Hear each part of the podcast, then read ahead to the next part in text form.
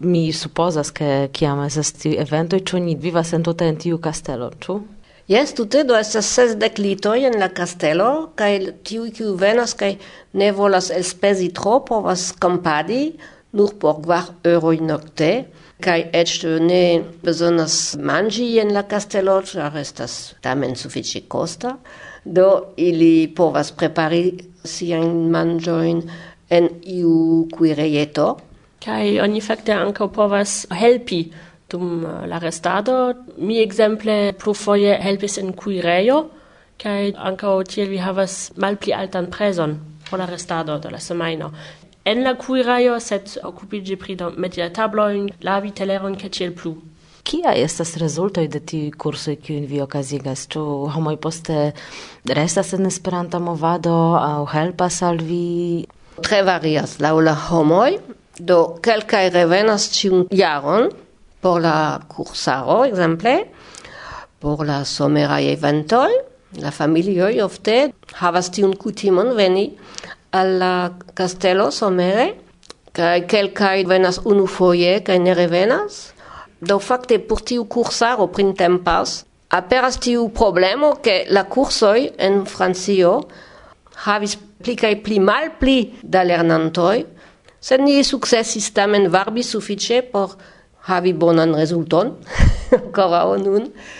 Cae do la mm, motivo de la trapasso de kera exameno ancao estas suffice alloga, sed la persona qui trapassis exemple so unu uh, ne plus revenos.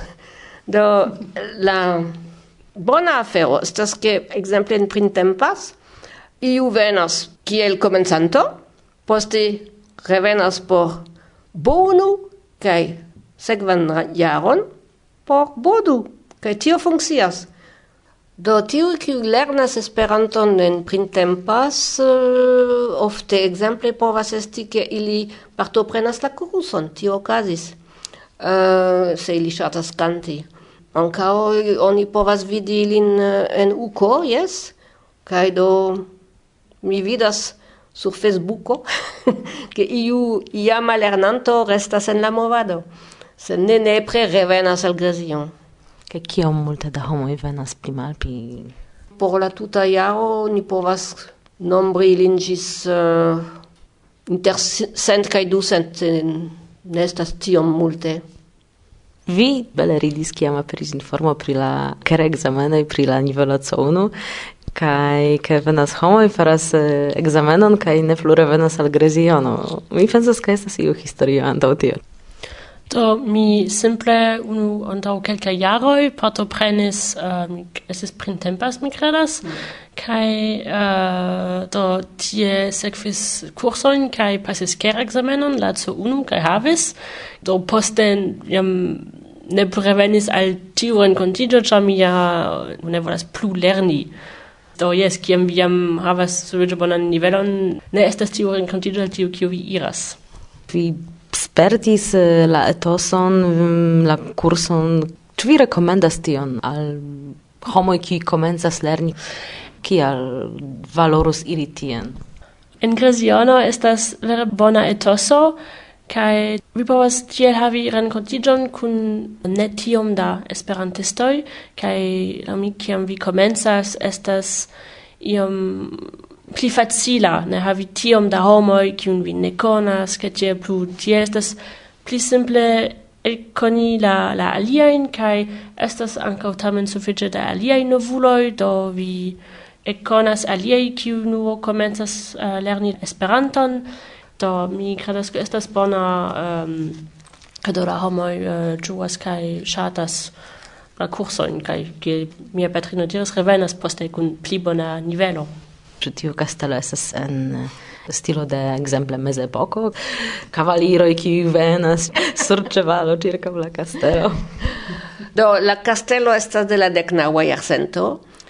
Malgranda parto estas restaĵo de iama renesanca kasteleto, Do vi povas trovi la historion en la retejo, estas multe da dokumentoj legendaj kaj tio kiu restas kiel eh, cateleca estas sufiĉe bela kameno de la deksepa jarcento, kiu estis acetita de la personoi qui construigis la castelon en la decnaua iarcento, kiel domo por vivi do familie kai ankaŭ estas bela salono kai biblioteko kai bela alia manchambro je la ter etaggio do vi povas vidi fotojn do vi vidos ke ni sentas iun kastelecan arkitekturon kai um, enhavon. Poste sur la unua etaggio kai dua etaggio estas chambroi ki estis uh, konstruitaj dum la jaroj sesdek fakte de la esperantistoj, ĉar antaŭe estis nur tre grandaj ĉambroj kaj ni faris pli da Do kion mi ĝuis kiel infano ankaŭ estas ke estas multaj ŝrankoj kaj pordoj kiu estas vere en la muro preskaŭ kaŝitaj ke tiam mi ege ĝuis kiel infano ke estas tiam eh, iam sekreta. Ĉu estas fantomo tie? Kompreneble, estas fantomo. yes, yes. Bonege, mi ŝatus tion sperti. Ĉu estas iuj aĝlimoj por tiuj kursoj, eh, kiel el organiza vidpunkto tio aspektas? Do, en printempas venas junuloj, sed ne infanoj. Do estas vere intensivaj kursoj. Dum la mateno ni laboras de la naŭa ĝis la dekdua, Posttagmeze estas pauzo kaj uh, oni povas ekzemple eh, promeni en la parko, vidi la dolmenon, la apotekon historian de Boĝi kaj de la deksepa ĝis la deko katridek estas ankoraŭ kurso. Ĉu vi bezonus iun helpon de esperantistoj? La granda problemo estas la tegmento, kiu estas pli ol centjara, ni bezonas proximume 600.000 euroi. Tio estas granda defio, do ni povas helpi mone la kulturdomon per du manieroj, per donacoj aŭ per aĉetado de sociajn partojn bo. Do ni estas posedanto de la castelo se ni pagas unufoje en la vivo dek ses eurojn. Tio estas la socia parto de la cooperativo. Kaj poste ni povas aĉeti bo sociajn partojn por 200 eurojn. Kaj jam estis sufiĉe da personoj kiu aĉetis bo sociajn partojn por ke ni povu ĉiare en 2019 riparu tegmenten de la kromdomo por 70.000 eurojn. Sed ni havas ancao alian planon por havi pli da enspezoj. Tio estas, ke ni petis la helpon de EU, fakte, por uh, havi planon por plenigi la castellon de lunde gis dimanche, de marto gis decembro. Do tio necesas ŝanĝo de la administrado kun profesiuloj. La granda defio estas agi tiel che pli da semainoi estos por esperantistoi. Ke tio estas uh, mia celo, ke se ni faras tiom da peno por conservi tiun bienon, almenaŭ ke tio ne estu vane por Esperanto. La ideo estas ke se organizantoi de iuj eventoi, kiel Osiek, uzas la castelon ili estus kiel regioi en palazzo, anstataŭ lui iun uh, lerneion kiu tutene estas plena kun ili, do ili devas uh, kunvivi kun aliaj personoj, ĉu ne? Estas tiam uh, facile trovi lokon por lui. Do Osiek faris tion dum la somero 2010, sed mi volus ke pli da organizaĵoj esperantistaj internaciaj do uzu la lokon. Kaj alia maniero ankaŭ estas proponi iun eventon paralele al nia. Do exemple, venis dum mia coruso provludo en 2010 Pierre Tsuburu, kiu organizis veganan rencontigion, nome Reve. Kaj tiuj aferoj devas esti pli oftai en la castelo, porque havi tiun castelon havu senson. Ĉu vi pensas ke eh, jes povus okazi en Grezio, no? Mi pensas ke ni povas okazigi renkontiĝojn kiu ne estas tiom ampleksaj kiel jes. Mi mem en jes mi sentas ke la grupo estas tro granda por koni ĉiun. Kaj kelkfoje la etoso ne estas tiom amikeca, ĉar uh, oni vidas grupeton kiu restas kune, se ne estas granda grupo kiu sentas sin eh, bone en la grupo. Kaj ekzemple mi havas tiun sperton, ke je la komenco de la novjara renkontiĝo de Lu estis jam eh, renkontiĝo kun okdek personoj, kaj mi sentis min vere perfekte en tiu ĉi etoso, ĉar mi povis koni ĉiun personojn kaj fari ion kun ĉiu persono. Kaj do, se jes volas fari duan jes, en Grazio, no? Kial ne? Ah, venas rememoroj pri aga semajna tempo ancora eh, estis eh, ankaŭ tiam ne tiom multe da homoj kaj ni estis unu granda ronda familio fakte. Mm -hmm. Ĉu vi volas ion ankoraŭ aldoni al eh, tiu intervjueto? Do vere, venu uzi vian kastelon esperantistoj. Do mi simple volas diri ke kiel infano ni ofte iris al Greziono Tau sufiĉe multe da jaroj estis tiu uh, laborsmajnfinoj, kiu okazis kaj do ni tie senkoste dormis kaj manĝis kaj ni tiam devis helpi en, en la kastelo. Ekzemple en la kastelo mi plurfoje ŝanĝis tapeton en kastelo kaj uh, metis ĉe fenestroj tiu gluaĵo por la, la fenestro do iom mi laboretis, gepatroj faris multe pli, sed uh, mi ofte estis en Gresiono, kiel infano, kiel postan ankaŭ dum aranjo, estis exemple ref, kaj estis du, do fakte lastjare, um, du esperantistoj kiu organizis feston por la um, la kaj do venigis multaj esperantistoj. Mi havas multaj memoraĵoj tie ege bonaj kaj mi ege amuziĝis tie kiel infano kaj ankaŭ nun ege ĝuas iri tien. Do cara, kiel vi aŭdis ĵus eh, indas veni al Greziono ne nur por uh, havi ŝancon vivi portempe almeno en castello, sed ancao se vi shatus helpi kai vi ŝatus subteni Esperantan movadon en Francio, tiam venu kai ne nur instruu Esperanton, ne nur ĝuu la kastelon, sed ankaŭ helpu al ti du karaj ĉarmulinoj, kiuj sidas antaŭ mikrofono kaj eh, havas paciencon por ni ĉiuj che tiu castelo ne malaperu kaj ke ni povu simple tie pli vaste kai pli mult nombre pasigi tempon kai simple venu kai giu, ciu? Compreneble, kai pensu pri la futuro, tu iam ni bezonas montri al la publiko ke ekzistas kulturdomojn por Esperanto. Ankaŭ estas alia revo ke tiu centro povus esti ankaŭ lingva centro. Ni vidos. Vi povas saluti nun eh, junajn homon, eh, aŭskultanton, amikon, ah, malamikon, familion. ah. Do mi salutas mian geamikoin tra la mondo, ĉar fakte dank al Esperanto mi havas amikojn de multe da partoj de mondo. Yes, kaj mi povas pensi ĉefe pri mia amikino kiu estas la plej for estas Francisca Tubal, kiu ankaŭ okupiĝas pri radio. Do mi tiam volas saluti uh, mia tre bona amikino Aniko, revenu al novjaren kontiĝoj.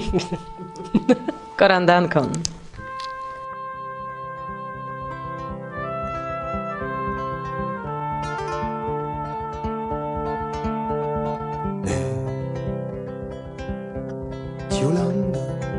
Existas ne Ne Mia land Existas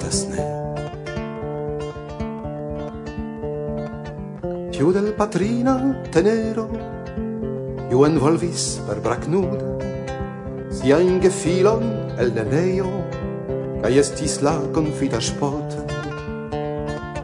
Ia tiu lando plicantata Dum quelca tempo pos furir Cun l'armo cul nostalgieta pro la simbol de la patria. mia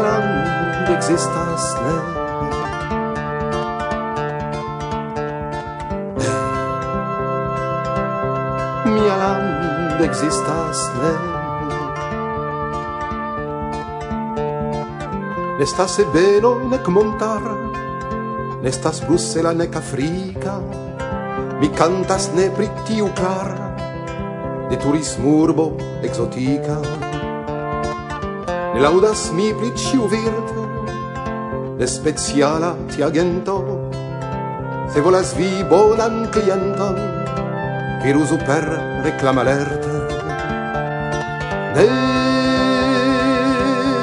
mia land existas ne ne mia land existas ne perdigis nun la instrument. Iu min lulis infanace Che la branchon en la vente Che la dormon en mirage Ne banas in mia memor En la bildar de nostalgia En mia heimo la palmar Estis nur monde melodia.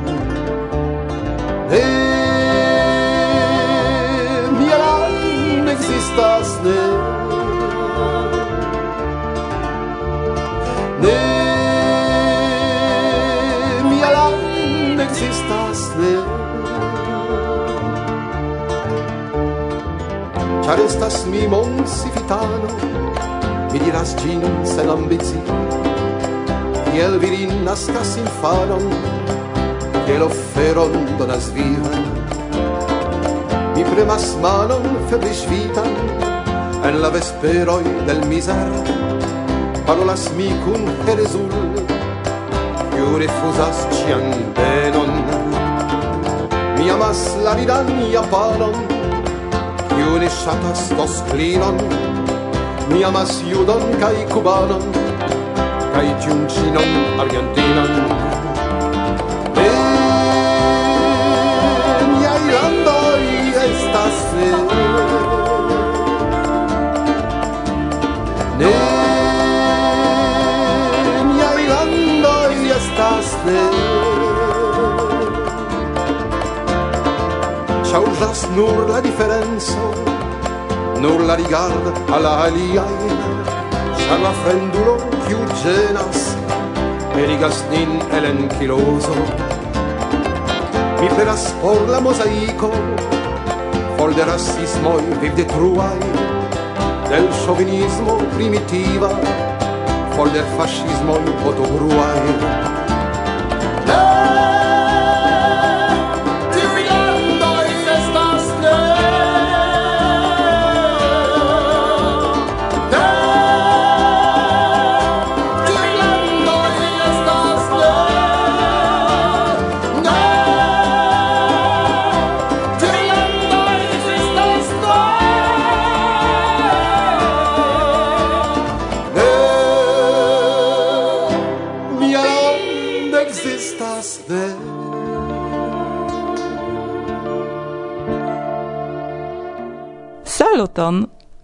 estas Silvia, kaj mi invitas vin al angulo de Livendek. En la quaropa poemaro Ibere Libere, verkita de Gonzalo Neves, Georgo Camacho, Miguel Fernández, kaj mi mem, Livendek, mi legos el lacoto plei misera. El lacoto plei misera alten grimpas revoturoi. En fugemo de structuroi el filigrano aera, supren, sor, ec al etera mondo desvagai conturoi, cie felicio, plesuroi, giuoi mil cae am libera, cirligias en shaum chimera inter claroi cae obscuroi, inter allogai susuroi, cae la lontano mistera. Sacrilegio dangera, crias alarme tamburoi, ludi per ci partituroi attenzai al realo vera. Do, malsupren, realtera, nesto de natura i muroi, pafuvin for, aventuroi cottu cotto plu misera. Drivas homple sola.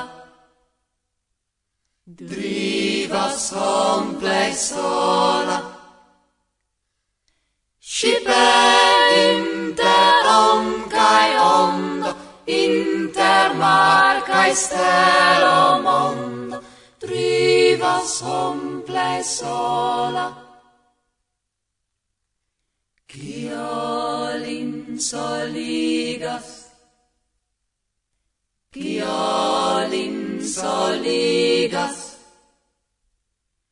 Mars en limo, flustra vento, stel sublimo, cupo sento, cio lin soligas, Nocto vento maro Nocto vento maro Tri eternoi sturm attacas Mast cae kilo cio cracas. Nocto vento maro drivas hom plei sola Briva somple sola,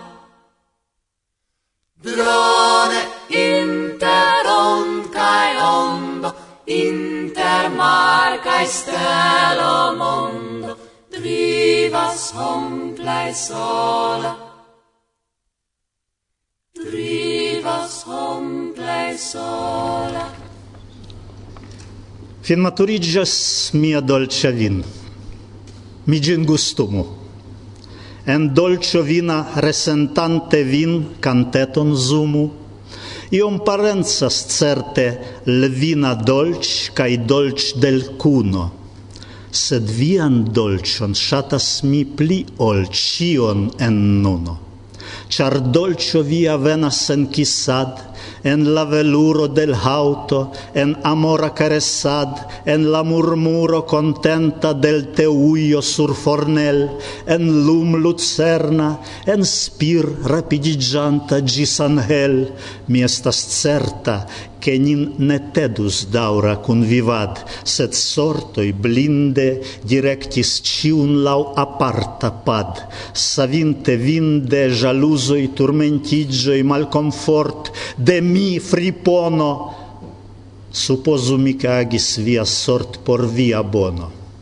Contentumi che il sort prisorgis vin ne malbonfarte, sed min pacigu mia dolcia vin almeno parte.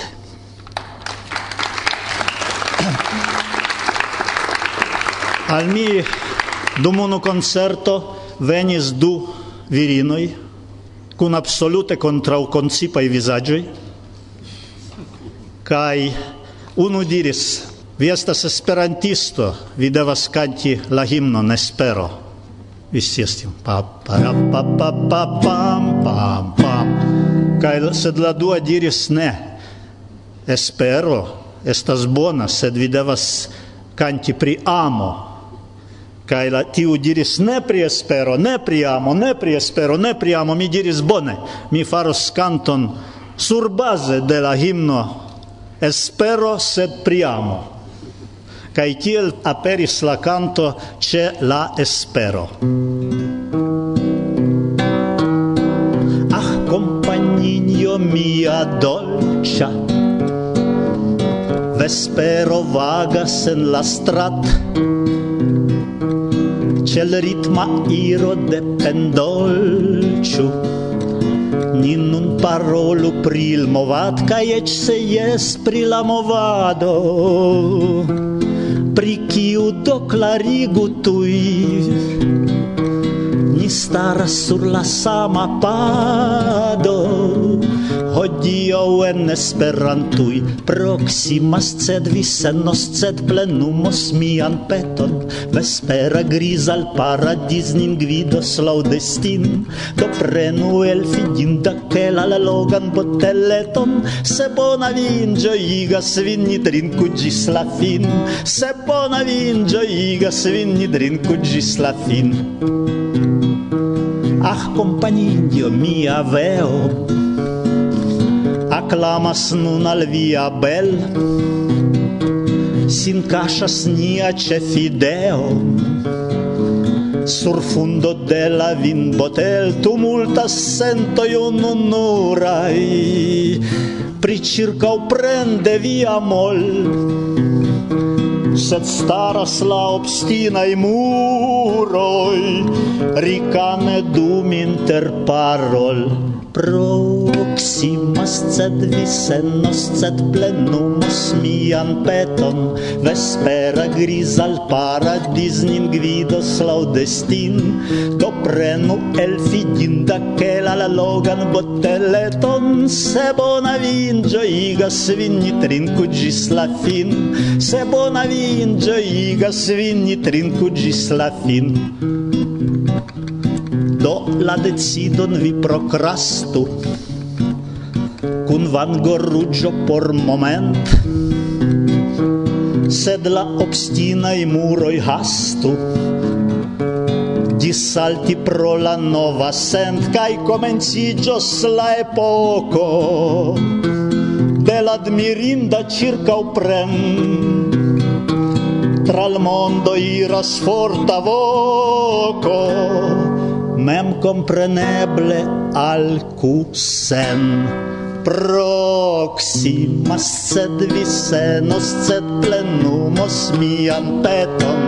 Espera gris al paradis nin gridos destin do preno el figinda che la logan botteleton se bona vin gioigas vin ni trinku gis la fin. Se bona vin gioigas vin ni trinku gis la fin.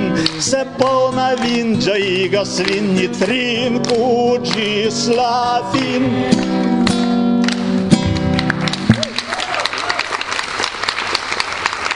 Dankon.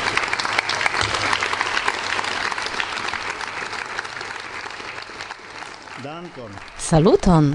Mi estas Agnieszka, kaj nun mi invitas vin al angulo de Istvan Ertl. Istvan Ertl, Van Hoch. Rigardo vi farigis, absinte pura, kiu per nura pentra penetro sondas la mondon kaj mergigas retro en propran cerbon, humile dura. Alies esto vin ne exaltas La mondo vias, cae vi malmondas, Gren campo cum in menschirle ondas, Fotelo gogena basaltas. Vidam nigas ciutage, cae elacetas per via passia indiferento, Vin, cae ciuin nin, ciui vin coni audace pretendas. Via mano jetas la pecan benon de farboi sen pento, sur nin proselitoin necessas doni.